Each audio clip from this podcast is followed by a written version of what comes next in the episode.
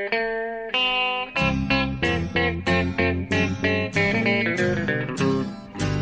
out there, we're on the air. It's hockey night tonight.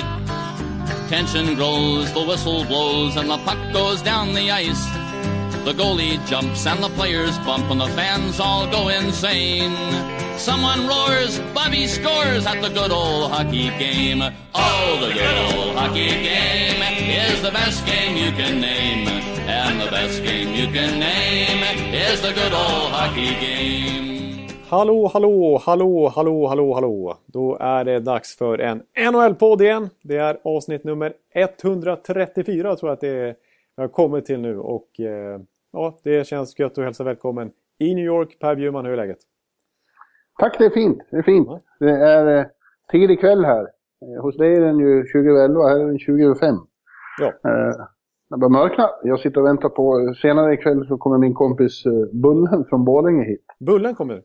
Ja, det är en av mina all, absolut bästa och äldsta vänner. Vi har varit kompisar sedan vi var, ja, sedan jag var 13 och han var 11, typ. Ja, I. Borlänge. Det är sen, eh, s- ja, det är sen 1980 ungefär kan man säga. Ja, ja det är de krokarna där. Det är stort. Och, eh, idag är han kock. Så att, eh, Ja. och han ska bo här i tre veckor, så nu har jag en egen kock ett tag. Är det sant? Det, är- det ska ju bli fantastiskt. Det är superlyxigt ju. Ja. Mm. Ja, han ska minsann få laga. Han ska få gå ut och leta i affärerna så han kan eh, göra svensk husmanskost på något vis. Det kan jag känna att det får man ta. Eh, Sen om man är intresserad också. Men eh, oavsett alltså, så, så jag menar. Får man bo i, i, i närheten av självaste korresoffan i själva den lägenheten och ha den utsikten i ditt burspråk som jag kallar det. Mm. Eh, och se, eh, blicka ut över skyskrapan ända bort mot eh, Frihetsgudinnan. Då, Ja. då får man minsann laga lite mat också. det är det minsta jag kan begära. Eh, Det tycker jag faktiskt. Ja. Ja, men det, det, Ja. det ja, okej, då, då, då, då måste det kännas bra just nu. Ja, Det men annars rent eh, hockeymässigt så är det väl en liten dagen efter eh, på Manhattan. Eh, vi var ju med om en underlig upplevelse i, i, igår. Ja. När Dallas mötte New York Rangers. Och eh, ja, för andra dagen i rad var det ju ett, ett, ett 80-talsresultat. I, i, I måndags så slog Pittsburgh Washington med 8-7 och här var det då 6-7. Ja. Och så slutade ju matchen 1984, men inte nu. Nej, nu, nu går inte back-to-back. Nej, verkligen inte. Det, och debatten går ju varm, eller har gjort det i alla fall, eh, om att ja, minska målvaktsskydden och större burar och annat ringformat och allt möjligt. Och eh, strama till reglerna ytterligare. Men eh, nu är det Men vi- 80-talet all over again den här veckan. Ja, men vi ska komma, alltså, ja, eh, det var ju då, viss skillnad på de här. Allt som eh, glimmar är inte guld. Nej, det är Eh, sant. Det är sant. Medan matchen i, i Pittsburgh då, mellan Penguins och, och Capitals blev det många mål för att, för, på grund av, eller tack vare, offensiv briljans. Ja. Här på Madison Square Garden blev det så många mål därför att inget av lagen förmådde försvara sig som man föreställer sig att ett NHL-lag ska göra. Nej, det, är ju, det Och- finns en di- diskrepans du, du har hittat i analysen där som är helt korrekt. Ja, och jag, vi ska dröja oss kvar vid den här. Vi börjar med den här Rangers-matchen. För det, Ja. det, det var ju också så att eh, det var en väldigt tung, och tråkig och jobbig kväll för Henrik Lundqvist. Ja. Eh, ja, jag, I höst är det 12 år sedan jag kom hit. Eller I, 12 år, I höst är det, vad säger jag? 12 år sedan jag Ja. började följa honom. Fan, det, det slog mig just att på fredag är det 20 år, eller 12 år sedan jag kom hit, flyttade hit. Ja, okej, det är jubileumsdags alltså. Ja, precis. Eh, men för, till hösten då är det 12 år sedan. Och jag skulle vilja säga att eh, kvällen igår är nog den mest eh, jobbiga som Lundqvist har haft under de 12 åren som hockeyspelare. Det är ju det är ju ett statement, det är ju en rubrik nästan du, du levererar här liksom. Ja, men det, alltså det har ju... Det var ju så eländigt. Han släppte in alla de här sju målen i, i, i de två första perioderna innan de skonsamt nog tog ut honom och istället Magnus Hellberg kom in. Hade Antiranta varit frisk, men han är skadad och borta ett par veckor, så hade det ju det bytet skett tidigare. Men de tvekade väl att slänga in stackars Hellberg i det här moraset. Eh, men eh, ja, och de där, det kändes ett tag som alla puckar gick in och det slutade med att eh, publiken eh, hånade Lundqvist med såna här Bronx calls som de kallas. Så att man Man Hånjublar. Ja. hånjublar när de tar en enkel puck. Och det är ju för jävligt alltså. Här, här pratar vi om en målvakt som har burit den här klubben i, i 11 säsonger. Och ja. varit, hade det inte varit för honom hade de ju missat åtskilliga av de slutspel de har varit. Absolut. Men så är New York. Det kan man ju tycka är tråkigt och jobbigt och hemskt. Men så, så är det här. Och det är ju han medveten om. Att det vänder snabbt.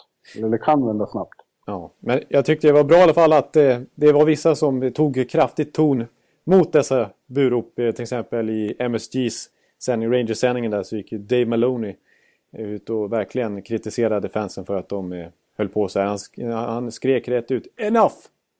Jaså? Ja, det har jag missat. Ja. Eh, han tyckte liksom, så där behandlar man inte en franchise-spelare liksom. En så, så, som har gjort så mycket för staden och laget under en Nej, decenniums. Det kan man ju verkligen tycka. Alltså. Så att det var, det var, det var, det var reaktioner ja, jag mådde lite illa men ja. Och efteråt sa ju eh, Henke själv också att eh, den här matchen hade ju föregåtts av två till inte alls lyckade. Hemma mot Toronto och borta mot Montreal.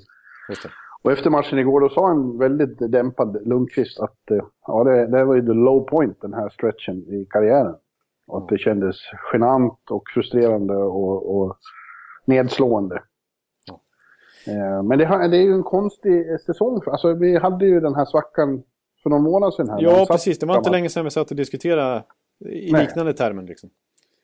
Och då kom han tillbaka och så var, var det ju väldigt bra ett tag.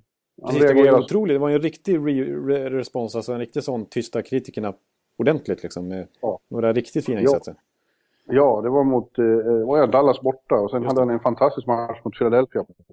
Det är väldigt konstigt. Det är, jag vet inte riktigt vad som har hänt, men man ser ju på honom att han har inget eh, självförtroende riktigt. Nej. Han ser inte bekväm ut, han ser, ser, ser, ut som att han inte själv tror att han ska ta puckar som är Jamie Benn kommer fri och så. Nej.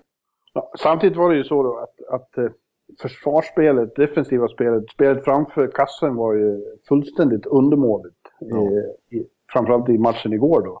Ja. Eh, Dallas-spelarna fick ju gång på gång på gång stå helt öppna framför honom och, och pricka in puckarna och då är det inte så lätt. Nej. Eh, men det, och, och, det är ju så att när, man befinner sig i den situation som Lundqvist gör nu, han sliter som fan för, för att hitta tillbaka till sin rytm och få bygga sitt självförtroende igen. Då krävs det ju någon slags struktur, att det ska vara som, eh, som vanligt. Ja. Eh, så att, att få hjälp och komma in i det och få, få göra några riktigt bra räddningar och få bygga upp det igen. Men eh, det var ju, det var ju ingenting. Nej, det var precis tvärtom. Det var ju vår vän som brukar figurera i podden och framförallt i bloggen, Tobias Pettersson, den stora Rangers, kanske Sveriges största Rangers-supporter. Han har, ja, han har varit ordentligt arg här på försvarsspelet och på Girardi och hela gänget och Klein och allt vad de heter. Ja. Ja, och Derek Stepan sa efter matchen och det ryckte öronen på honom i omklädningsrummet när han Oj. sa att uh, han, he, he's working his ass off to become the Hank we all know. And this is what we do to him. It's a fucking joke. Så. Oh, det blir... Eh, han tog till eh, lite explicita uttryck till och med. Ja, samtidigt då som, så är det där eh, växelverkande. För som Larry Brooks påpekar i New York Post idag så att eh, den struktur Lundqvist behöver mm. den försvinner också av sig själv när utespelarna blir nervösa för att målvakten inte tar de puckar han brukar ta. Ja, det stämmer faktiskt. Det, så ja. det är ju liksom en jävligt svårlöst ekvation. Ja, för att alltså, som jag känner Rangers under Lundqvists tid och allra tydligast under eh, de mest framgångsrika åren när de gick till två raka eh, konferensfinaler och till Stanley Cup-final till och med. Så var ju verkligen ett, ett otroligt gediget och tydligt samarbete mellan Lundqvist och försvarsspelarna. Liksom. Alltså det ja. var väldigt tydligt hur Lundqvist höll sig ganska nära, alltså hur de tillät skott för att de var säkra på Lundqvists spel och att de skulle ta bort returen ungefär. Alltså... Ja, det var ju en trygghet för dem och den tryggheten ser man ju på dem att de inte har. Nej, Nej precis. Och det... det är konstigt lag. De kan ju mål, men de kan fan inte försvara så länge.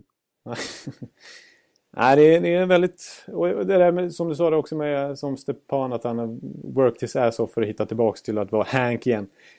Det, det, får, det, kan man inte klaga på heller att han har tappat någon slags gnista Lundqvist eller att han inte försöker. För det gör han i allra högsta grad. Bara så sent som här, dagen innan den där matchen så, så, eh, ja. så stannade han kvar extra länge på träningen och verkligen körde. Och han har skaffat nya benskydd och grejer för att testa nya saker. Liksom. Ja. Eh, men det, just nu är det mentalt på något vis. Och det, det, han brukar, det är det han också är så känd för. Att vara så extremt ja. bra på att studsa tillbaka snabbt. Och att vara mentalt stark. Liksom. Det är väl en av hans absolut främsta egenskaper. Liksom. Ja, jag tror, men jag tror aldrig han har liksom, eh, känt sig så här ifrågasatt och så här utmanad och eh, alltså få de här jävla fansen mot sig också plötsligt. Ja, precis. För då är det, New York är ju fantastiskt när man har dem med sig, men det är ju samtidigt ja. är det raka motsatsen när det går emot. Liksom. Ja, det är världens mest otåliga stad. De, de tycker att de betalar biljetter och att uh, spelarna har bra löner, då ska de prestera, punkt. Ja, det, det finns inget... De, det är lika i alla sporter, då blir de utbuade. Ja. ja, det är ju ja. charmigt men eh, beklagligt på något vis. Man vet inte riktigt hur man ska förhålla sig. Men det är ju New York, det är ju världens... Det är ju, som du säger, och ja. det är the world's famous arena han spelar i också. Ja, man kan ju beklaga det, men det går inte, man kommer inte kunna göra något åt det. Det kan jag lova. Men vi får se då. Som det är nu så Ranta är som sagt skadad. Och eh, Vigneaus besked igår var att eh, Hank's gonna be professional and work his way through this. Så han spelar nästa match också mot Toronto imorgon. Ja.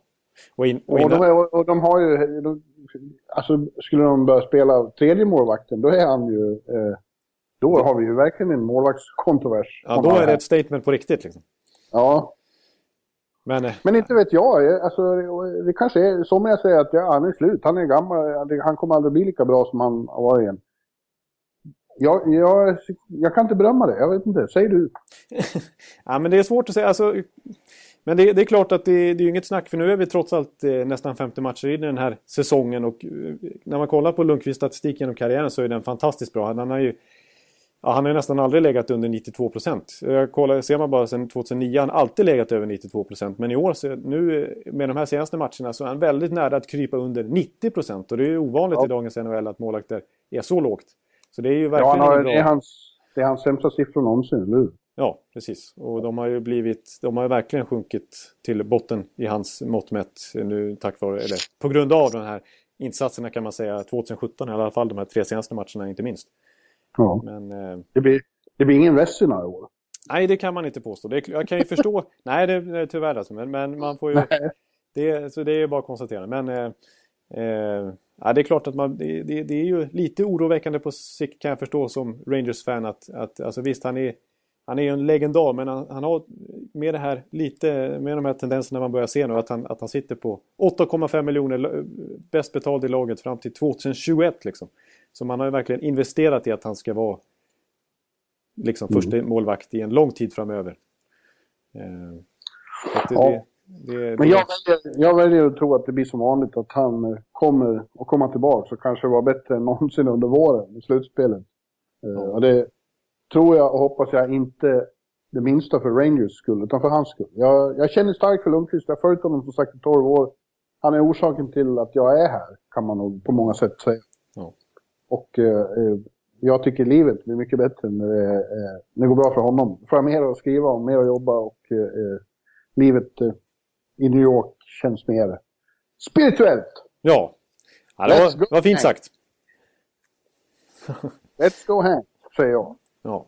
Nej, men jag, jag, jag, tycker det är alldeles för tidigt att döma utan. Det är klart man, det är i allra högsta grad tillfälle att resa lite frågetecken och, och det, det gör han ju till och med, inte minst själv. Men men, det, men, man har sett alldeles för mycket av Henke Lundqvist för att man ska döma ut han redan nu. Det finns eh, en extrem vindhanskalle där. Som eh, brukar ta sig igenom det mesta. Ja. Men du, eh, låt oss... Eh, det var som sagt en mindre, mindre imponerande vårfesten. Ja. Den kvällen innan var ju desto mer imponerande. Den slutade alltså 7-7 och så avgörs på övertid. Ja. Och grejen med den, som sagt, där var det ju inte några försvar eller målvakter som på något sätt gjorde bort sig. Det var bara fruktansvärt explosiv offensiv som, som ja. fick ett vulkanutbrott.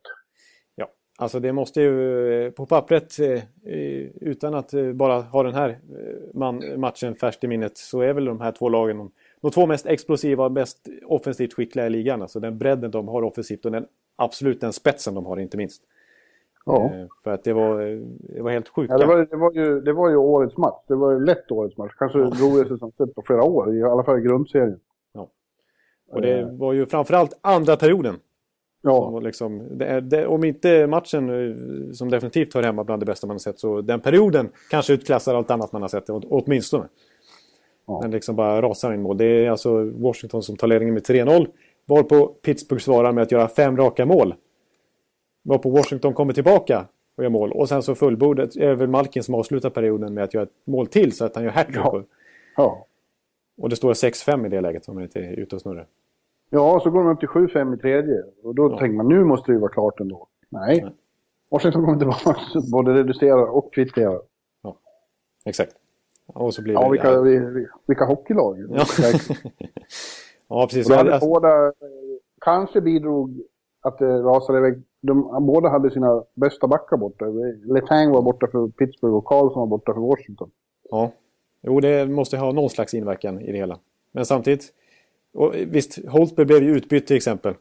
Och Murray är nyligen tillbakakommen från skada. Men, men Holtby har varit otroligt bra sista tiden. Och det kändes som att, visst det var något billigt mål så här, men till exempel när Malkin styr in en puck enhänt från en halv meters Ja. håll upp i nättaket. Alltså, då förstår jag att Holtby byts ut och att han i princip byter ut sig själv. För då är det inte rättvist. Det är inte roligt att stå i mål då liksom. Och, när när liksom motståndaren kan göra sådana grejer. Det är, det, det är ingen målvaktstavla. Det är bara ren skär skill som är på över världsnivå av Jevgenij Malkin. Liksom. Ja, eller passningen som Crosby slog till Cherry. Cherry precis när han liksom eh, en skottfint eh, inte ens eh, tittar mot Cherrys håll nästan och hittar klubban med en, med liksom en skottpassning. Ja, skottpassning var vad det var, precis. Ja, två fantastiska. Det, man blir ju ledsen när man tänker på att de inte ens kommer komma spela konferensfinal, utan de kommer stöta på varandra redan innan dess. Ja, precis. Det lär det är bli som, precis som förra året att det blir andra rundan, troligen. Ja, ja det är för jävligt. Ja, och det är ju ett eh, oerhört stort hinder för detta Washington alltså.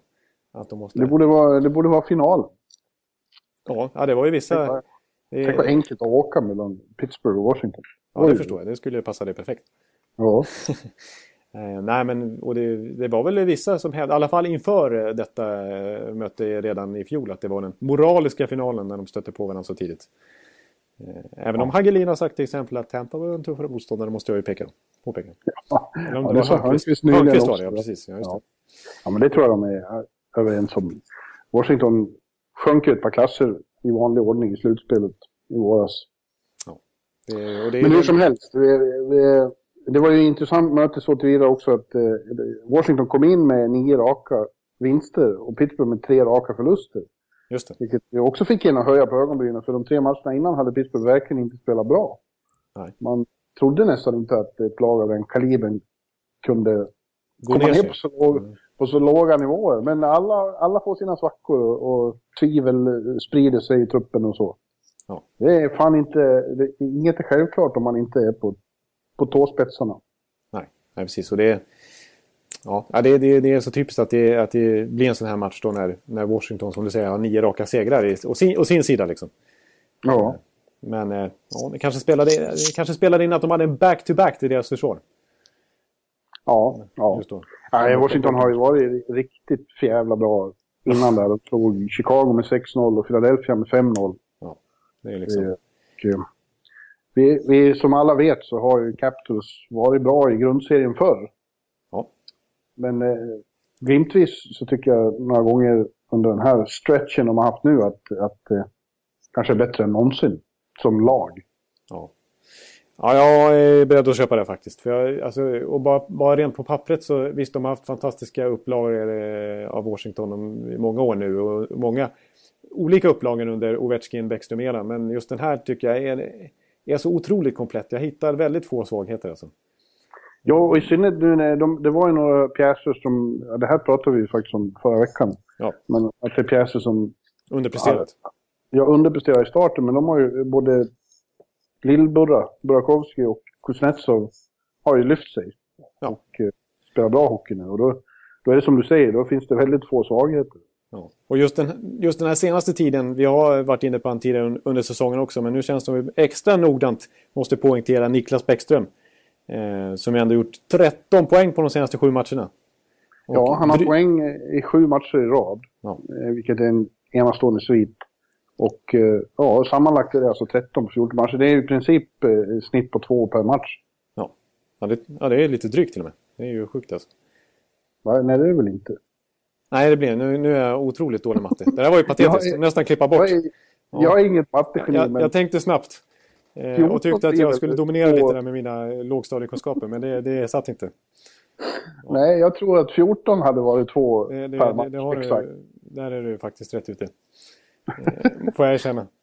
Ja, okej. Men, Jag eh, slår någon i matte. Det, det, det är som att eh, ett AHL-lag här ska komma och slå Pittsburgh. Ja, så är det. Det förstår ni. Ja, ja hur som helst. Jag och Bäckström, ja, vad ska man säga? Han fick också, eh, var ute på ceremoni innan matchen i söndags med och fick eh, en guldklubba Ja. för sina 500 assist. Ja, just det. Precis, så han av, alltså, och assist eh, är ju det han är känd för och det är det som är, naturligtvis är hans stora skill. Men han har faktiskt gjort, han har ändå gjort, ja, jag, vet inte exakt, är det 13 mål eller sånt där? 14 mål eller sånt där han har gjort den här säsongen. Och det är 14 mål tror jag. Eh, Ja. Och det är, ju- jag menar förra året gjorde han 20 så att det är hans bästa målsnitt på väldigt länge, på typ 7-8 år. Så att han har Ja. faktiskt börjat skjuta lite nu också Bäckström. Vilket man alltid Ja. har snackat om att man ska göra för att det är ingen som har Ja. Han har alltid, aldrig fått kritik för att ha ett dåligt skott, tvärtom. Men han är ju en pass first guy och han har ju en, en hyfsad eh, kedjekamrat där som han brukar leverera pucken till. Men när han väl avlossar bössan själv så är det hög klass på den. Likväl som Ja. sina framspelningar. Liksom. Eh. Så att då, då kanske det blir lite mer poäng också. Är, ja, han är ju faktiskt enastående, men det är inte lätt att få någon att prata om det. Du vet hur det är när man ringer. Jag skulle kunna skriva, han bara skrattar och säger ja, det rullar på. Ja, han är, måste vara en av de som är minst eh, liksom, eh, benägen. Det finns ju nästan ingen NHL-spelare som är det, men han är, måste nästan vara rekord oförmögen att prata om sina egna styrkor så att säga. Ja, ja men är, han är ju medveten, han skrattar ju bara när jag säger att du måste säga något mer. Nej, ja, ja. Ja, det går bra nu. Ja, jävla mål. Ja, det går bra nu. Ja. Nej, men men han, han skulle kunna säga så här i alla fall att hans, det skulle han definitivt kunna säga, att som du nämnde att eh, hans eh, svenska polare, till exempel Burakovsky, har ju kommit igång lite grann nu efter en otroligt seg start. Och så måste man ju även återigen lyfta fram Marcus Johansson. Nu är, är de flesta igång här. Jag tänker på Johanssons fantastiska bakom ryggen-passning mot Philadelphia till exempel. Mm. Det är många i det där laget som är igång. Och som levererar och som gör poäng efter poäng. De gör ju så mycket mål, Washington. Burakovsky har en förmåga att göra första målet hela tiden. Ja, det har han väl gjort ett antal gånger nu på senare. Ja. First Blood Burakovsky kan vi kalla honom. Och generellt sett så brukar det handla om att gör man första målet så ökar ju chanserna att vinna med ganska många procent. Ja. Så det är ingen dålig egenskap som ska Nej. nedvärderas. Men hur du, tycker jag att vi ska plocka upp någon Ja, du annan? nämnde Johansson, Burakovsky, Bäckström. Det finns ju faktiskt fler svenskar att prata om som hettat upp här. Och det är inte bara de vanligaste namnen direkt. Nej, nej. Det Som vi brukar plocka i sådana här sammanhang. rätt många namn som vi inte varit i, så insnöade på den här säsongen faktiskt. Som det är dags att börja lyfta fram lite extra nu tycker jag. Ja, en är Patrik Berglund i St. Louis. Ja. Som eh, har fått en eh, sagolik islossning och gör mål nästan hela tiden, varenda match. Ja. ja, han är uppe i, vad är det nu, alltså många, är det sex de senaste nio eller sånt där? I alla fall nio mål de senaste 14 matcherna. Ja, sex från senaste åtta är det också, tror jag. Det var igår. Ja, Jag räknade till. just det. Och i någon har han gjort två också. Eh, Han avgjorde, avgjorde väl mot Anaheim för bara någon, ett par dagar Ja. sedan. ja, precis. Ja, och jag har ju då eh, pratat med honom för att jag ska skriva referat i månaderna. Skicka in texter till Hampus Hagman och, och Emilia Cederholm, som ofta Ja. är våra morgonredaktörer. Ja. Ibland också Jesper Östholme om någon vill veta. Ja. nu är det kuriosa här. Ja, verkligen. Eh, och eh, det var gick det, i, i oktober, november, framförallt november hade han ju en enorm eh, torka, Berglund. och Ja, visst. Inga- gjorde ingenting. Nej, och han var Eh. nere på så här 12-11 minuter per match ibland också. Alltså förtro förtroendet minskade ganska betänkligt. Liksom. Ja, men han säger själv att, att eh, han tycker att han har, spelmässigt har det gått bra hela säsongen. Tyckte han var en stabil del av laget, men att det var ju absolut inte kul att, att drabbas av den här måltorkan. Men han, hans bild var bara jobba på, jobba hårt så kommer det att lossna och det har det verkligen gjort. Ja, och han, verkligen, och just det här med att jobba hårt och sådär. Det, alltså, det har ju Ken Hitchcock var, var, har jag sett varit noga att påpeka också. För att eh, det här har ju naturligtvis, det är inte bara vi som är helt svenskfärgade här och tycker att han har varit bra på slutet. Utan det här är ju St. Louis Media så har det varit en hel del uppmärks, uppståndelse kring Berglunds form också. Mm. Och, och frågor till Hitchcock och till lagkamrater och så vidare. Och Hitchcock är noga med att poängtera att han tycker att, att, liksom att man märker på Berglunds inställning. Alltså tidigare i karriären har väl fått lite kritik för att ibland kunna zona ut lite grann och inte riktigt vara där inom citationstecken. Mm. Men nu tycker ju liksom Hitchcock att det är uppenbart att han är att han är där på plats alla 60 eller till och med 65 minuter beroende på vad det är för, ja, hur lång matchen blir. Men han är, han är, på, han är med hela tiden. Och att han liksom, ja. det blir liksom extra tydligt, och det är ju verkligen en styrka, att det blir extra tydligt ju längre matcherna går när kanske andra blir trötta eller tappar lite fokus. Alltså, vissa skift kan man verkligen se att, att Berglund är den som är mest fokuserad. Det är liksom att, att det är han som är... Att, att verkligen, alltså, alla detaljer som en tränare vill se, men också jobbet och mm. alltså, in, inställningen. Liksom, är, det, är det en styrka nu för tiden för Patrik Berglund? Ja, och när han eh, verkligen kör, och, och det har ju med självförtroende att göra också såklart. Ja. När, när det brakar på på det här sättet. Då är han ju extremt svårstoppad. Han är ju fantastiskt... Eh, han är ju en stor jävel. Ja, det, är ju rätt uttryckt alltså. En ja. stor uh, jävel alltså. En som, och han är ju skicklig alltså. Det förstod man ju redan. Ja, han har ju det här som eh, man inte ser så ofta nu då. Vi kommer att prata mer om det sen. Men de här som... Eh, power forward som är riktigt stora och samtidigt har speed och spelsinne. Han är ju en urtyp där. Ja, precis. För det är, det, det är ju det det handlar om. Alltså den här, eh, ja, som säger, vi kommer komma in på det eh, i allra högsta grad senare i programmet. Men eh, det, den, eh, storlek lever man inte eh, räcker ju verkligen inte i dagens NHL utan det handlar ju framförallt om speed. Men det är klart, har man både och, har man en kombination av allt, allting ja. som Patrik Berglund har och som man verkligen tar tillvara på just nu också så är det ju en riktig styrka. Och han, nu får han, alltså, senaste åren har han fått hoppa runt. Han har, verkligen, han har varit lite som Marcus Johansson, som jag har varit inne kring Marcus Johansson och Burakovsky också. Att man inte, St. Louis har inte riktigt hittat en roll för honom. Man, vill, man har verkligen velat ha kvar honom. För nu har han ju spelat, alltså prick, när vi spelar in han har ju spelat prick 600 matcher i, i samma klubb, i St. Louis. Ja. Eh, men man har, under de här 600 matcherna så har det varit mycket snack om att att igen, är det första kedjan, är det andra kedjan, är det tredje kedjan, är det ytterforward eller center? Ja, det har till och med pratats om, ofta han kommer upp som trade-namn. Ja, det har varit trade-rykte på honom många gånger nu under flera olika sessioner kan man säga. Men, eh, men nu är han ju center. Inget ja. snack. Och en väldigt stabil sådan. Och hans förtroende är ju... Jag, jag pratade om 11-12 minuter ett tag. Nu är det ju 17-18 minuter match efter match. Ja, och han är svårstoppad. Han är, ju han är inte bara stor, han är stark också. Ja. Och eh, det är inte lätt att ta Berglund i en, en bulan i en Nej. Och, eh, han, för, och han är för smart och för stor. Ja, exakt. Han har samtidigt eh, fantastiskt bra spelsinne och eh, eh ja, smart. Ja. Kul! Kul ja. att det liksom blir lite breakthrough för en sån spelare. Som jag väntat på länge också. Mm. En annan som ju eh, också har ett sånt lyft. Man kan inte prata om genombrott riktigt ändå. För eh, de här killarna har varit i länge. Och jag, jag tänker på Mika Backlund i Calgary. Ja. Han spelar i NHL i nio år och, och då, då har man ju redan fått länge sitt... Alltså? Ja, det kan det vara det alltså. Mm. Då, då, har man ju redan fått sitt genombrott. Eh, men eh, det är mer ett, ett, ett särskilt lyft den här säsongen. Breakthrough, han är ju också eh, målskytt monumental just nu. Han, en, han ligger på delad andra plats i svenska målligan. Han och Marcus Johansson ligger bakom Rickard Rakell. Ja. Eh, och eh, det är också kul. Han spelar i deras uh, första, han är center i deras första femma. Ja, för Matthew, Matthew Kachuk och uh, Frolic. Just det. Ja, då, den har ju utsetts till i princip till första kedjan. Ja, alltså, dels eh, om man kollar på istiden och, och förtroendet i på, framförallt defensiva men också offensiva situationer numera. Eh, ja. Alltså, jag menar, så sent som här om natten så gick ju Mark Giordano, lagkaptenen, ut och sa att, att, liksom, att Backlund har tagit the first center role and run with it. Ja. Utan han är liksom, han är första center nu. Han är hur grym som helst. Och han kallar ju till och med just den kedjan för en av, en, nu är han lite subjektiv, men en av NHLs bästa kedjor. Inte bara defensivt utan även offensivt. För de är ju riktigt bra de där tre ihop just nu. Och Backlund ja, är väl ändå ju... loket.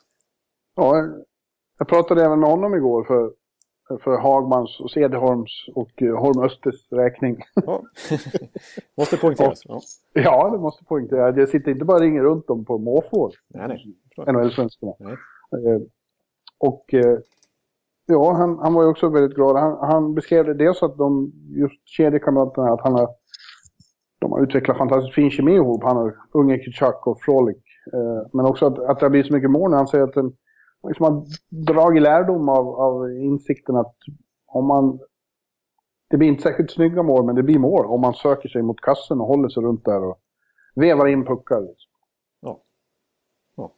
Ja, ja, alltså Backlund, han, det, ja, det, det var, jag tyckte det var en snygg övergång överhuvudtaget från Berglund där. För att båda är ju Västeråskillar och båda är center. Och båda har varit i ligan länge nu och man har fortfarande man är lite samma sak med Backlund där. Att det kändes som att han körde fast lite i en tredje kedjeroll i många år. Ja, han var ju stabil pjäs liksom. Ja, han var ju inte dålig. Hans position var absolut inte hotad och han har skrivit ett långt kontrakt med Calgary några gånger liksom och känts som en, en viktig pjäs där i deras rebuild lite grann. Men ja. att han skulle bli en första center i år, som det verkligen har accelererat till nu, det, det såg man inte riktigt framför sig. Ändå. Nej, det är ju ett, det är väldigt bra för Calgary. För att jag menar, om det är första kedjan så har de sen Gaudreau Bennett och Monahan, Monahan och Versteeg och Brower i, i, i, i längre ner i, ja. i bygget. Ja, då börjar de bygga upp den där bredden som de har saknat lite grann. Ja. Mm, så, ja, ja Calgary kan bli en, en intressant eh, ett intressant lag att följa under våren här. Ja, de börjar, börjar rätt så knackigt eh, den här säsongen och såg lite ojämnt ut. Men ja, ser man till den senaste två månadersperioden, nu har jag inga siffror framför mig, men det känns som att det är, det är stabilt lag på övre halvan den, de senaste månaderna i alla fall. Ja, de ligger på slutspelsplats nu och ja. Backlund har stor del i det. Igår gjorde han ju faktiskt mål, två mål inom loppet av 12 sekunder. Det var ett bra rekord. Det, det är inte många som har det. Nej. Nej, det är faktiskt en fin eh, svit. Mm. En annan vi nämnde där i förbigående är ju då Rakell. Ja. Den, den svenska skyttekungen i, i NHL i år. Han prickade in sitt 19 mål när Anaheim slog Tampa igår. Ja, det behöver vi inte poängtera lika noga, men det stämmer ju. ja, på övertid. Eh, 2-1. Och ja, 19 mål. Ja. Det är ju väldigt bra, i synnerhet med tanke på att han missade de 10, 12, 13 första matcherna. Precis, exakt. Eh, och kom in i säsongen, eh, han var ju sjuk och kontraktsbrott och allt vad det var. Det var liksom, förutom att det tog ett tag innan han kunde debutera så, så på grund av kontraktet framförallt så hade han ju dålig uppladdning i största allmänhet liksom. Så man visste inte riktigt var han skulle stå. Eh, och nu, och nu känns... Jag tror alltså, inte på fan jag pratar med... Ja, förlåt. Ja, men, ja du, du, du, nu hörde jag nu att du höll på att säga att du har pratat med Raquel också. Ja, ja det, måste du, det måste du få berätta om. Tror du inte vad fan jag ringde honom ja, också? Ja, det är klart du gjorde. och berättade för eh, Cederholm och Hagman och Holm Öster. Ja, Hagman var det som satt och... Ja, det. Det det. Vi hade sedvanliga eh, schismer om rubriker och, och, så. Ja, just det. det, det. Så blir det. Ja, eh, men... Eh, jo, han är, han är också en glad fyr. Ja, det är han. Eh, och han, eh, han bara konstaterar att ja, det, han har ingenting att klaga på. Just nu är det som, får han läge så sitter pucken. Och han försöker inte fundera så mycket på det utan bara ha väldigt roligt med det. Ja. Eh, han är en, eh, jag tycker han är en jävligt eh, läcker hockeyspelare att se. Ja, det håller jag helt med om. Han är otroligt kreativ med pucken och orädd liksom. Han tar initiativ. Och han är snabb, han är ju modern spelartyp liksom. Men han är, jag, jag gillar att han är så eh, framfusig liksom. Att, ja, han, att han, han, han, lyser av eh, hockeyinspiration på något vis. Lite osvenskt om man får använda det sura uttrycket. Ja. Just det där att han är mer... Eh, han försöker ju mål. Ja, ja det stämmer ju. Alltså han, är, han är, skäms ju absolut inte för att skjuta eller göra någon lite egoistisk dragning liksom ibland. Ja. Utan han, han vill komma till kassan, han vill avsluta och han vill finnas med i målprotokollet och bidra till segrar. Liksom. Ja. Äh... ja, 19 kassar, etta i svenska mål, det, det är rätt imponerande tycker jag. Det är också en, en, här, en liten symbol för generationsskiftet bland svenska NHL-proffs. Ja, det börjar märkas allt tydligare och inte minst den här säsongen. Och jag tycker i, i hans fall så får man nämna att han är ju den som har gjort mest mål i, i Anaheim också. Han har, ja. varit, han har verkligen stuckit ut den här säsongen. Alltså när besvikelse som lite, lite besvikelse får man ändå kalla Getzlaff och Perry mot vad man har vant sig vid. Alltså Perry står bara på åtta mål till exempel. Ja. Och Getzlaff står på sex mål. Eh, Folk jag pratar med som, som eh, ser mycket Anaheim och tycker om Anaheim, de är irriterade på Getzlaff som tycker han verkar så slö i år. Ja. Ja. ja. det, alltså han är...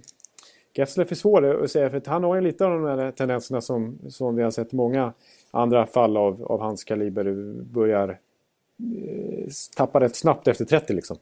Eh, de storväxta spelarna som inte lever, aldrig har levt på skridskoåkningen men som har spelsinne och andra... andra det, ett av få undantag är ju till exempel Thornton. Liksom. Han kan ju vara hur slö som helst och ändå dominera. Men, ja. men ja. Getzlaff, det stämmer. Men han har varit lite så. Han, jag menar, han hade någon halvdålig säsong för några år sedan också och studsade tillbaka direkt och, och, var, och varit bra. Så att han, verkar, han, han känns lite ojämn. Han har blivit lite säsong till säsong nu tycker jag. Silverberg har också haft en helt okej okay säsong. Här. Absolut, han står ju på 13 mål.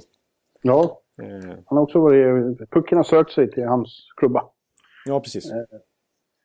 Och den, den kedjan, alltså det, det, är väl många tycker jag, där, i alla fall ute i väst, som, som snackar om att... Eh, för, för Kessler gör faktiskt en bra säsong också. Det är ju Silverbergs radarpartner där. Och Cogliano. Ja, alltså att det är väl, alltså när man ska nämna NHLs bästa tvåvägskedjor som eh, kan möta motståndarens bästa lina och som kan stänga, stänga ner den lite grann. Men också, inte minst, producera själv.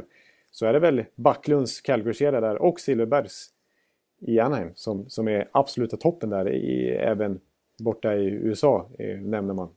Eh, ja. den, de svenskarna är väldigt högt. Så att, eh, ja, kul att Jakob har hittat en riktig radarpartner. Ja, det har verkligen... Man var runt lite mycket i kedjor förut. Ja, precis. Och Anaheim är stort och, och brukar ju valsa runt. Men nu är, är både under Boudreau och här under Carlisle så är, eh, splittrar de i princip aldrig på Cogliano och Silverberg och Kessler. De har ju spelat ihop två års tid nu kanske.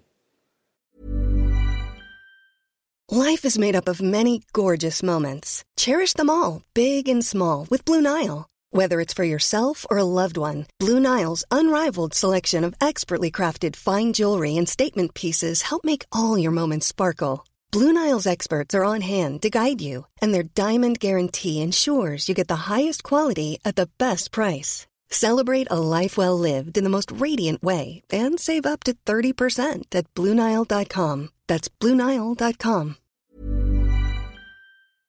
Mm. Ja, en annan svensk som vi ska nämna, men som kanske inte eh, hör, hör till riktigt den här diskussionen, för att eh, han har varit bra så länge, men det är Henrik Sedin. Ja. Som har orsakat feber i Vancouver, därför att eh, igår i matchen mot eh, Nashville var det väl, då avgjorde han med matchens enda mål och därmed står människan på 999 poäng. Ja. och jag vill... Eh, tänk, jag pratade med honom också. Nej men gjorde du det? Det är klart du gjorde det. Det förstår jag. Ja, jag ville bara få in det. Ja, det måste, den bisatsen är otroligt uh, viktig. Ja, han, vill, han, han sa att det är, det är såklart väldigt mycket snack om det där i Vancouver nu. Han sa det inte rakt ut, men han hör, man hör ju på honom att han vill få det överstökat. Men att det vore roligt att få göra det på hemmaplan och de har match på fredag. Är det ja. ja. Och är det inte så att om man eh, lyckas med den bedriften att faktiskt göra tusen poäng i, i världens bästa hockeyliga så brukar man ju få... Då brukar det bli en liten ceremoni innan nästa hemmamatch där man får kliva ut på en röd matta och ta emot en, en silverklubba. Ja, i synnerhet i Vancouver, för han blir i så fall den första i Vancouvers historia som når tusen poäng. Ja, just det. Eh, man, man, man skulle kunna om man vill vara riktigt eh, formell så kanske man vill påstå att Mats Sundin då hade, om man ska räkna honom som coverspelare. Ja, nej, det, det, det, tycker jag inte man gör ändå. Alltså. nej, det kan man det inte går inte. Nej, och, och, det är ju faktiskt bara tre svenskar i historien som har passerat och nått milstolpen tusen poäng. Och det är ju just Sundin då, och Alfredsson och Lidström. Den klubben, exklusiva klubben får en till medlem. Och så småningom kommer ju Daniel också. Han ligger lite efter för han har ju missat flera matcher på grund av skador. Men det, ju, det, säger ju allt om Sedinarnas karriär alltså. Det, ja. de, är, de är uppe i den nivån att bland Sveriges allra största spelare någonsin. Liksom. Och en, ja, verkligen. Och liksom ikonisk status i Vancouver när de är faktiskt i, i, i toppen av deras poängliga genom tiderna. Liksom. Det kommer i framtiden att bli dubbel höj, tröjhissning ja. i Rogers Arena. Både 22an och 33an kommer att åka upp samtidigt. Ja. Ja, det, det blir en fin kväll. Det råder det absolut inget tvivel om. Nej, det gör ja, då, inte. Då får du vara på plats. Det, det hoppas jag, men jag är vid liv då. Så. ja, men det... När kan det vara? När kan det vara? Fyra, fyra det var en o, o, oväntad kommentar. Ja, det var en oväntad kommentar. Jag gick vidare direkt från den. Alltså. Det, eh, Ja, men det finns väl inga garantier för det? Nej, nej, det kan, kan inte jag säga någonting om heller faktiskt. Nej. Ja. Hörru du, Ja, hade du något mer som du ville nämna i det här sammanhanget? ja det finns ju många man kan nämna, men jag tycker det, det, det, det var, de, det var de, eh, det var framförallt de tre vi var inne på först som jag tyckte, som jag ville understryka så här eh, extra tydligt i den här podden. Ja. Eh, Så att, eh, ja, Backlund, Berglund, Rakell.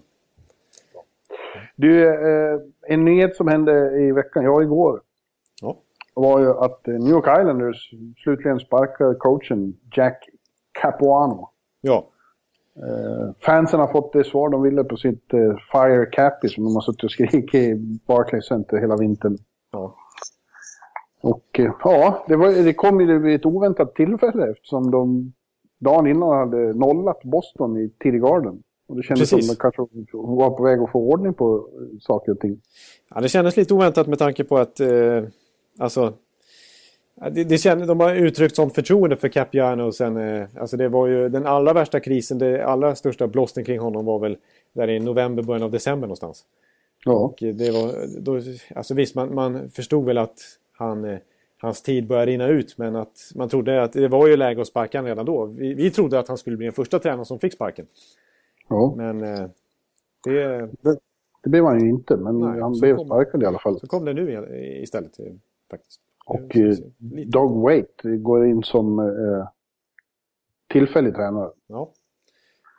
Ja, jag, jag tycker kanske lite synd om Capuano här. För jag, det har vi varit inne på flera gånger. Det, det är inte hans fel att det har gått som det har gått.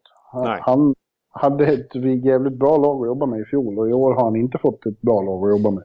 Nej, och det det, beror på att eh, snön faller och vi med den, som Ulf Sundell sjöng. just det det, är ju Snow. exakt. Det här är Snow, general manager som... Eh, som, ja, det har vi ju pratat om. Han misslyckades ju med sina operationer i somras totalt. Ja, alltså, Tappade, tappade fel spelare och ersatte dem framförallt med fel spelare.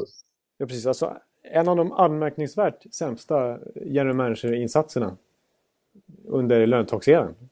Om inte en Mm. av de sämsta, så med tanke på att han... Han, han släpper alltså eh, Kyle Poso och Frans Nielsen till Free Agency. Och även Matt Martin. Och Ja. eh, han eh, signar två, ja, tre spelare kan man säga eh, som betydande förstärkningar. Den, den första är ju Andrew Ladd på ett sjuårskontrakt för en 32-åring eller vad han är. Eh, I alla fall 30, över 30-strecket. Eh, Ja. Och han signar eh, Jason Chimera som ju är på 38 år och han signar P.A. Parento som han wavar på försäsongen. Ja. Eh, Nej, det var ju inte alls något bra. Eh, Man ska ju, bara för ordningens skull ska vi påpeka att vi har hyllat Gas Snow tidigare. eh, Den här säsongen när han precis innan seriestarten knöt till sig både Johnny Boychuk och Nick Leddy. Ja, precis. För två år sedan blir det väl snart, eller två och ett halvt Ja. år sedan. Det var ju en, en vågad move och som eh, definitivt eh, eh, sköt eh, Islanders i rätt riktning då. Ett, ordent, Några eh, tydliga hack framåt faktiskt. Men jag skulle tippa att han är lite desperat nu för att eh, Islanders har ju nya ägare och de är ju inte nöjda med det här. Och han sitter ju förmodligen jävligt illa till själv. Ja, Snow. ja det gör han. För att, det, och det, alltihop det här kommer ju tillbaka till att ännu en säsong i, i Johnny, John Tavares karriär slösas bort. Ja, precis. Vilket ju är Verkligen. det verkligt sorgliga. De har en unik stor talang där som... Eh, Ja, men, och. Det, och det är ju extra angeläget nu med tanke på att han faktiskt blir unrestricted free agent 2018. ja. Och ska de lyckas övertyga honom och committa ytterligare ett kontrakt i Islanders. Eh, Ja. När han dessutom varit lite underbetald eh, på det här kontraktet han sitter på nu. Så då måste det ju hända någonting som över, alltså något ordentligt, alltså verkligen som, alltså för att det ska finnas någon anledning överhuvudtaget för Tavares att skriva på ett nytt kontrakt. Han säger rätt saker, att han är committed och att han vill inte spela någon annanstans och så. Men det måste man ju säga i det här läget. Ja, han kan ju inte säga något annat. Men eh, eh, Men mellan, mellan vägg och score måste det ju vara så att han ser sig omkring. Och, ja. tänkte det, vad det skulle finns vara ju inte brist på alternativ för honom om man blir UFA liksom. nej, det finns 30 lag till som skulle vilja ha honom. Ja. Och det är verkligen 30 till eftersom Las Vegas blir det 31. Nej, men, eh, men nu är det... Vad, vad, vad, vad kan du se Tavares någonstans? Om du fick fantisera fritt att han skulle gå någon annanstans nu. Ja, jo, men eh, det måste handla lite om... Det, det, det måste vara ett lag som har lite lönetak och som verkligen vill ha en första center. Och som, är, som har nästan allt annat förutom en första center kanske. Alltså, många vill ju få han till Toronto, men det, det, funkar bara för att han är från Toronto. Att han ska bli nya Stamkos liksom. Men, men de har ju Matthews och de har ju Nylander och de har Marnus. Så det, det, finns ingen, det finns ingen plats där heller. Eh, de har lyckats vända på det på egen hand. Men eh, ja, ett lag som är på väg framåt. Och som har... Montreal? Ja, Nej, kanske inte. Jag vet inte. Nej, Ottawa? Ja. Ja, det finns ju ja, så är på framåt av de här unga. Ja, Buffalo och Carolina. Carolina är lågbudgetlag. Ja. Ja, nej, precis. Det känns som att de är, de är... För att övertyga honom också så är, blir jag kanske lite rädd för deras interna lönebudget till exempel. Både Carolina och även Ottawa. Ottawa brukar ju ligga nästan 8-9 miljoner från lönetaket ibland. Eh, för, av rent interna skäl. Ja. Men, eh, ja. Ja, St. Ja, Louis? Jag, jag vet inte. It'll work itself out. Ja, det, det, det, kommer, det kommer... Skulle det vara så att han fortfarande inte är signad långt in på nästa säsong då kommer det ju vara enorma spekulationer och skriver om, skriverier om det här vecka ut och vecka in borta i, i din sida Atlanterna. Ja. Det kommer ju vara en enorm story. Men, Absolut. men en sak som är värt att poängtera i det här fallet också det är ju att eh, visst, Gart Snow har, är väl rädd om sitt skinn här och, och känner sig tvungen att sparka Cap till slut. Men det, det, är väl lite spekulationer kring också att det här kommer inte bara från Snows håll utan nu börjar ägarna lägga sig i lite själva också. De nya ägarna, Ledecky och Malkin som ja. han faktiskt heter, eller Malkin. Eh, ja. Men eh, eh, för att bland annat har Ledecky varit med på den här bortaturnén. Som, det är lite ovanligt att en ägare faktiskt följer med på en roadtrip. Just, de, är ju på, de har ju varit på en roadtrip nu. Mm. När de bland annat slog Boston men även förlorat stort mot Carolina. Så det kanske var då de egentligen fattade beslutet. Men eh, att de vill faktiskt... Det, det Vänta nu. Förlåt. Ja, där kom den. Där kom den. Det var bra att du förvarnade här. Han ja. förbereder oss. Nej men... Eh, Eh, nej, men det har varit snack eh, sen ett, någon månad tillbaka också om att, att de vill ha in en, en Brandon Shannon-typ. Att de sneglar lite mot till exempel vad Toronto har gjort. När, när de verkligen satte ner foten och bestämde sig för att nu måste vi liksom revampa den här organisationen. Så tog de in Brandon Shannon som ett första steg. Eh, han blev ju då President of Hockey Operations med liksom, överseende över alla sportsliga beslut. Och nu mm. ryktas det om att nej, nu ska vi ned, ja, ned, nedbefordra, eller hur man nu säger, eh, Snows roll lite grann och faktiskt ta in en egen eh, aktat namn för att bli högst sportsligt ansvarig. Det är ju inga, det är, det är några namn som har nämnts, eh, bland annat Pat LaFontaine. Jag har, sett, jag har faktiskt sett eh, Brad Richards, alltså hockeyspelaren som bara la av förra året. Att han skulle ja. vara aktuell. Men eh, det, det, det, det är väldigt mycket snack om att de vill göra om ganska ordentligt i organisationen och att Snows position är hotad. Eh, ja. På sikt i alla fall. Brad Richards känns som han har lite, lite av den pondusen som Channy har. Inte lika ja. mycket, men lite. Ja, du har ju eh, faktiskt gått i samma omklädningsrum och, som honom och varit på presskonferens och kanske fått en upp, uppfattning om jag hur Jag trodde att jag, att jag har gått i hans skor. Ja, det har jag inte. det har du faktiskt inte gjort. Nej. Nej. Men, jag kommer åt hans skridskor ett par gånger. Det är ju faktiskt sant. Det var just... ja, ja, parentes. Ja, jag har ju stor respekt för Brad Richards som Tampa Bay-fan. Han var ju Conn Smythe när MVP när han vann Stanley Cup 2004. Det är en fin spelare. Bra ja. karaktär. Ja, vi får se. Just nu känns det som Islanders håller på att slarva bort den här säsongen. Ja, den här, den här säsongen tycker jag inte spelar någon roll. Jag menar, Doug Waite har inte så stort förtroende som tränare i alla fall. För att han, han var ju en fin spelare, en, en riktig ledarkaraktär och lagkapten och sådär.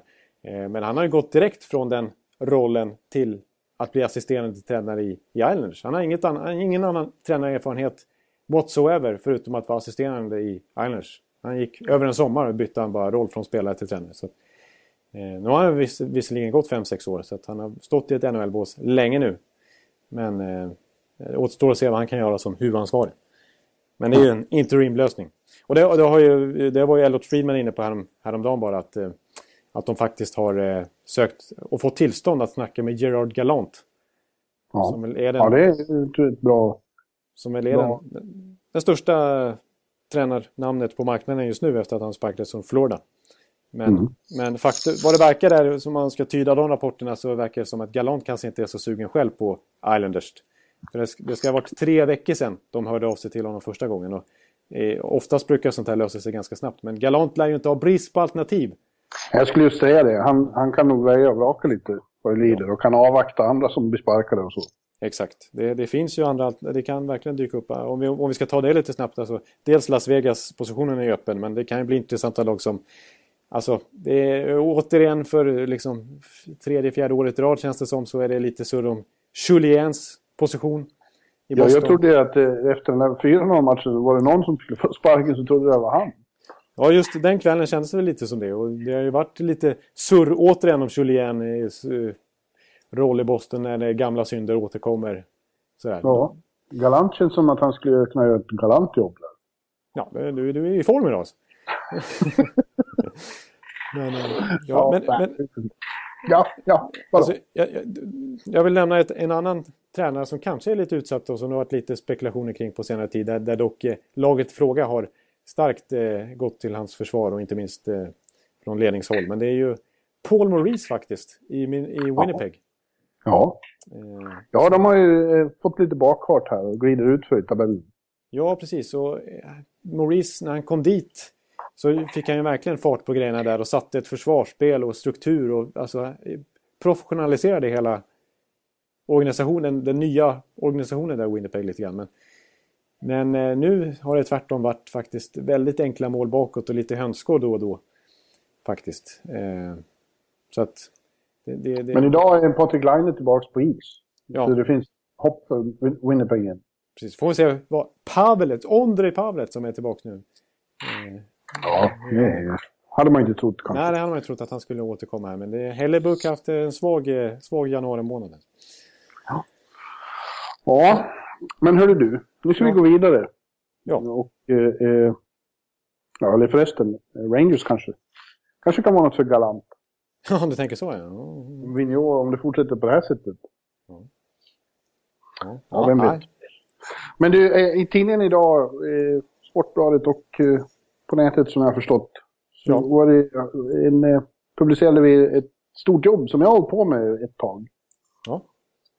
som ju, jag vet inte om det vart rubriken, men, men temat när vi satte igång med det var i alla fall att NHL börjar bli No Country for Old Men.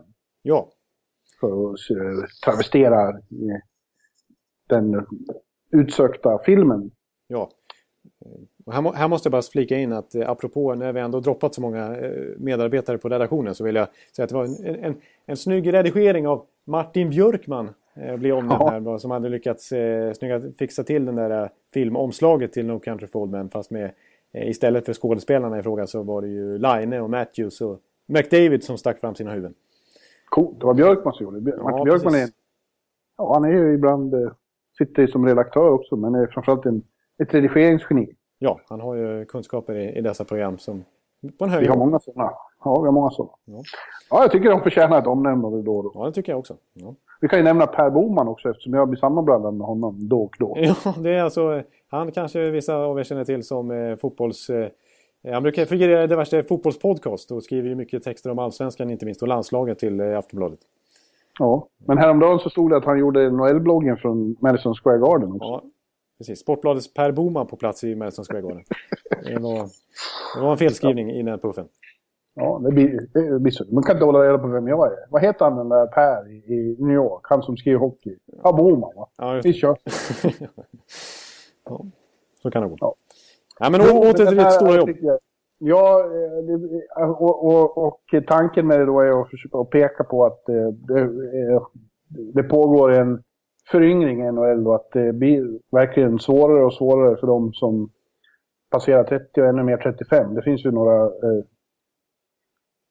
väldigt exceptionella undantag med, med Janne Jagr som särskilt utropstecken. Men ja. rent allmänt så är det ju så att det håller på att bli en, en, en liga för unga män som spelar hockey på ett nytt sätt som, som de här en, en tidigare typ av hockeyspelare som var vanlig i NHL helt enkelt eh, inte hänger med i. Nej. Nej. Och vi har, jag har pratat med en massa olika scouter och agenter och spelare och coacher och what not. Ja, precis. Det var, inte, det var inte vilken namn som helst. Det var allt från Henke Lundqvist till eh, den kända agenten Claes Elefalk och det var Johan Hedberg och det var Rickard Persson och det var Scott Burnside på ESPN bland annat. Ja. Jo, det var, det var ett rejält genomarbetat jobb får man väl säga. Ja. Eh, och eh, ja, vad som framkom då, dels att det stämmer, att, att det vi såg i, i World Cup som U23-laget gjorde, det är samtidens och ännu mer framtidens hockey i NHL. Ja. Eh, och eh, ett skäl är att det är så otroligt mycket mer avancerad träning nu för tiden med, med eh, fokus på teknik. Ja. Alltså. Från tidig ålder så, så är, är träningen helt enkelt mer raffinerad när man får tag i talanger. Ja, absolut, precis. Alltså, det var det som var så intressant med den här texten att du eh, gick in via dessa olika personer du pratade om, eh, anledningarna bakom detta. Men mm. som säger, en anledning absolut har ju att göra med att träningen har blivit mycket mer liksom, alltså från, från tidig ålder eh, och alltså raffinera kring skridskoåkning, kring teknik, kring taktik. Ja. Eh, och så jag, jag har nämnt det här exemplet flera gånger eh, tidigare men jag tycker det är relevant att, att säga igen, alltså som Ho eh, Braden Holtby var inne på här på försäsong, eh, försäsongen tror jag, när, när att, eh, att han har ju vant sig vid att målvakter har haft väldigt specifik träning de senaste åren, att de verkligen legat i framkant när det gäller utvecklingen av specifik position. Men han blev slå, det slog ju honom verkligen här på försäsongen och på, under sommaren när han tränade med andra spelare och utespelare inte minst då. Eh, hur uppenbart eh, tydligt det har blivit att även forwards och backar har specifik träning just för sina positioner och att det är en stor skillnad mot bara för några år sedan och inte minst för 10, 15, 20 år sedan. Och det är klart att det ger effekt. Ja. Ja, och det, det har liksom eh, lett till en annan sorts eh, spelare med en annan sorts eh, fysiska förutsättningar. Rickard Persson som är scout sa det, att han slås av när han går igenom omklädningsrummet att de unga killarna ser inte ut som hockeyspelare längre. De ser snarare ut som fotbollsspelare. Ja, ja det var lite speciellt uttryck. Men det, det, det stämmer. Det, det, jag menar, det är ju inte de här eh, John Leclerc, Brandon Morrow, Keith Kachuk, Ryan Smith som sitter där längre. Bill, alltså det, det, så här, 190, alla är 1,88, 1,95 liksom, väger 100 pannor. Utan det är, det är liksom lite Tyler Johnson, Johnny Gaudreau, Viktor Arvidsson. Ja, han framhöll, också att, liksom. Han framhöll ju också då att den här utvecklingen startade ju redan efter, efter eh, stora lockouten. När de eh, skärpte regeltolkningarna. Ja. Eh, så blev det ett annat spel. Det blev svårare för, för den klassiskt eh, store backen till exempel. Han sa det att det är när jag, Persson har ju spelat här, när jag hasade omkring här och åkte vattenskidor efter, ja, efter talangerna, så kan man inte göra längre. Nej. Det var ett väldigt roligt uttryck, åka vattenskidor. efter ja, det, det stämmer ju, billigt talat nu. ja. ja vi... eh, men den här, det, det, och det har ju lett till eh, en annan slags träning och ett annat slags talanger har, har kommit fram. Ja. Eh, det är så mycket som samverkar med det här. Ja, det är väldigt, väldigt många faktorer. Men en, en, annan som jag tycker är värd att påpeka, som du hade med i texten också, som jag tycker är kanske lite bortglömd, eller bortglömd vet jag inte, men jag tycker den är värd att påpeka i allra högsta grad. Det är ju det med lönetaket också. Alltså att det verkligen gynnar unga ja, spelare. För att, eh, ja. Och det, det har nog del i utvecklingen också, att det är ju väldigt effektivt att satsa på unga spelare rent lönetaksmatematiskt. För att de är, jag menar en Conor McDavid just nu är ju mycket billigare än en Andrew Ladd, än en Ryan Callan eller en Frans Nielsen. Vi ser ju de här 30-åringarna ska ha monsterkontrakt när de blir unrestricted free agents och ska skriva på sina stora kontrakt. Liksom. Eh, ja. medan eh, rookies, de sitter på sina entry level-avtal i tre, tre, år och sen så blir det ofta ett bridge-avtal eller något sånt där. De, alltså det, ja. det, du tjänar väldigt mycket på att ha ett ungt lag och sen krydda med några veteraner snarare än att ha massa veteraner. Liksom.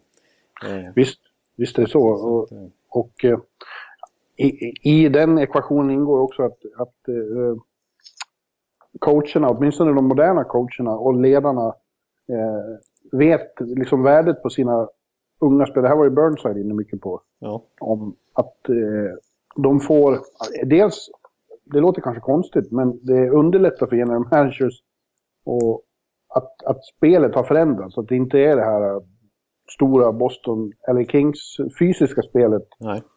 Det är svårare att fasa in unga, mindre ja. talanger i. Och så är det ju. Det, det, ja. blir ju, det är inte svårare rent tekniskt, men det är svårare fysiskt. Och, och, och ja, men det en större fysisk utmaning. Ja, precis. Såklart. Nej, men det, det finns en absolut en poäng i det. Alltså, vi ser ju, de juniorerna är ju vana vid att spela i det tempot, så, eller liksom hur det ser ut i JVM typ. Där ja. man alltid, bara liksom alltid i alla generationer har snackat om oj vad snabbt det går liksom. Oj vad de flyger fram ja. de här små knattarna liksom. Men nu börjar NHL mer och mer bli likt JVM. Och det är klart att transition, den omställningen för unga spelarna blir ju väldigt mycket lättare då liksom. Ja, och... Det är deras spel som spelas i NHL ungefär. Ja, och han framhöll också då att moderna coacher vet värdet på de här unga killarna redan. Så att det är enklare att, att ge dem fler chanser. De, de, de får fler möjligheter att begå misstag i det här system, nya systemen utan att det kostar dem liksom, eh, platsen i laget eller massa istid och så. De vet vad, vad, de ändå, vad de kan och vad de kan bidra med i, i den här sortens hockey. Ja. Är du med? Ja, jag är, jag är med på det. Jag är med på det. Jag, jag, tycker, jag tycker du har helt rätt. Men jag, det är inte jag som säger det. Nej, det är, det är, det är ju Burnside som skriver det. Många, många pekade ju också på eh, att, och det ser man ju tydligt, att de har en annan mental inställning än vad rookies för 10, 15, 20 år sedan hade. Ja, det där, de, här killarna, de här killarna kommer in och tycker att de ska vara med och ber ingen om ursäkt. Utan ser sig själva som NHL-spelare direkt. Ja, det, det, är lite, det, finns, det var det Lundqvist inte minst eh, var inne på. Ja, ja, han sa det. De kommer hit och tycker att de hör hemma här. Och han sa att den, den eh, mentala grejen är minst, minst lika högt berg att bestiga som, som de fysiska och tekniska utmaningarna. Känner man att man eh, hör hemma här så då har man kommit en bra bit på vägen. Ja. Och han, har ändå, han är som du var inne på tidigare på, han är tolfte säsongen här snart, eller i alla fall ja. tolfte året här snart. Och då, ja, så han har lite att jämföra med liksom.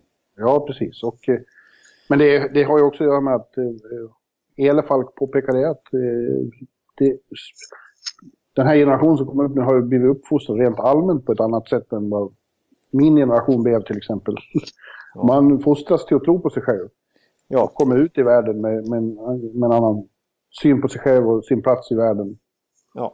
Och han undersöker samtidigt, en annan sak är ju att eh, de har ju självförtroende också för att de ser att de kan lika mycket eller mer än de som har spelat i NHL förut. det är klart, då får man självförtroende. Ja, Om man är, är Austin Matthews eller McDavid eller Sebastian Aho eller vem som helst. Ja, och det är väldigt lätt att göra det, att, att, eh, att se på NHL idag. Det är alla matcher går att se i Sverige och det är YouTube-klipp och det är överallt. Det är ju så extremt lättillgängligt. Ja, det där var ju också en aspekt vi kom in på, ja. Den väldiga skillnaden att uh, unga människor har tillgång till allt och kan lära sig av på ett helt annat sätt. I synnerhet om man jämför med hur det var i Sverige. Ja, När jag växte upp. Vi ja. såg ju aldrig... Han tog exempel Kenta Nilsson som var en sån stor artist här. Ja. Honom såg ju vi ingenting av i Sverige. Inte ens ett sammandrag på Sportspegeln. Så det var ingen som, som, eh, Nej, man, som det... liksom tog intryck. Liksom, han var ju, som det snackade, det här är ju inte jag ens upplevt för jag är för ung för det. Men, eh, det är ett klassiskt exempel är Kenta Nilsson-finten som har blivit Foppa-finten istället. Bara folk såg inte den tillräckligt. Nej, den var inte tillräckligt känd då, liksom, på grund av tekniken kan man säga. Eh, så att, eh, Nej, intressant. Men sen eh, konklusionen är att det var underbart. Ja, precis. Jag, där, där satt det, blir, faktiskt det, det, det blir roligare att titta.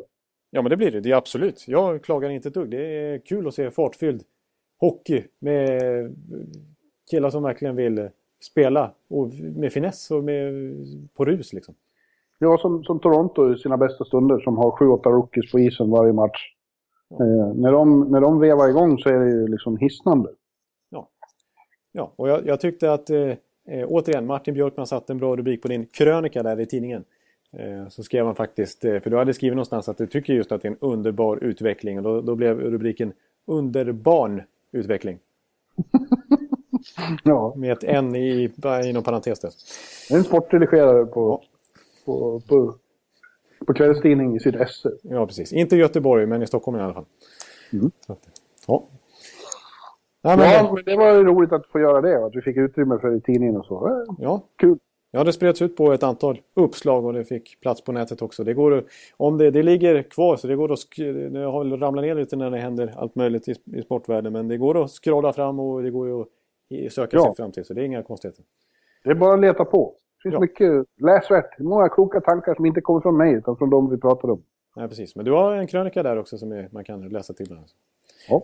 Mm, så att, absolut. Ja. Vad ska du göra nu då? Nu är klockan eh, halv ett hos dig snart. Och eh, halv sju på kvällen hos mig. Jag ska ställa ordning lite här för Bullen. Ja, just det. Bullen kommer och ska börja laga mat snart kanske. Och sånt där. Ja, det tror jag. Men han slipper väl Han slipper när det första kvällen. Imorgon fyller han år också, så då ska vi gå ut och fira. Ja, du, du får nä, nästan å poddens eh, vägnar hälsa till Bullen här. Det ska, ja, det, Det ska jag göra. ja, det Ska jag ska göra.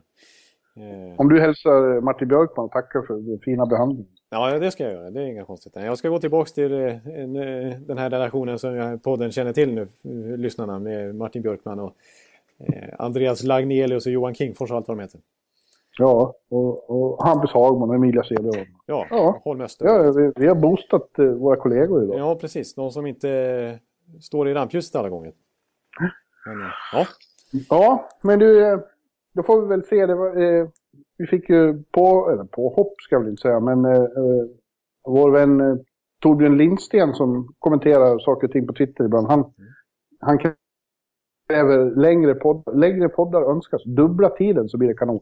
Ja, det låter ju trevligt, men vi har ju, vi har ju annat arbete att utföra och annat liv att leva. Vi kan inte bara sitta här och prata skit hela dagen. Nej, tyvärr så, så funkar inte det med övriga pusslet som ska gå ihop. Eh, Nej, Torbjörn, du får, du, får, du får nöja dig så här. Ja, ja för nu, nu sätter vi faktiskt stopp den här veckan. Men Det var- gör vi. Återkommer nästa vecka. Och Ja. då eh, laddar vi för eh, All-Star-helgen. Precis, det är dags för All-Star eh, den helgen då, innan vi spelar in. Ja, det blir spännande. Och, och så får vi se hur det går för Henke Lundqvist där också. Ja, Ja, det är vi mycket svårt. återkommer i ämnet. Ha det så Men du, tack ska du ha. Ja, men tack detsamma. Adjö. Adjö. Hej. Hallå, hallå, hallå. Hallå, hallå, hallå. Alex Chiazot, Joe Luis Arena och Esposito. Esposito. Uttalsproblem, men vi tjötar ändå. Och alla kan vara lugna, inspelningsknappen är på. Bjuder Hanna Kohl, han är grym i sin roll. Från Kållesoffan har han fullständig kontroll på det som händer och sker. Det blir ju allt fler som rattar in hans blogg. Och lyssna på hans podd. One, two, time, speed, so Hallå, hallå, hallå. One, two, time, speed, so Hallå, hallå, hallå. Ekeliv, som är ung och har driv. Verkar stor och stark och känns allmänt massiv. Han hejar på Tampa och älskar Hedman. Sjunger som Sinatra. Ja, och där ser man. Nu är det dags för refräng. Dags för magi, Victor Norén. Du är ett geni. Så stand up at home and remove your hats. Höj volym, för nu är det plats. One, two, time, speed, so Hallå, hallå, hallå. One, two, time, speed, so Hallå, hallå, hallå. One, two, time, speed, so Hallå, hallå, hallå. One, two, time, speed, so Hallå, hallå, hallå. Det er utroligt længe siden mor, der samtidig også har råd. Hallå, hallå, hallå. Det er utroligt længe siden mor, der samtidig også har råd.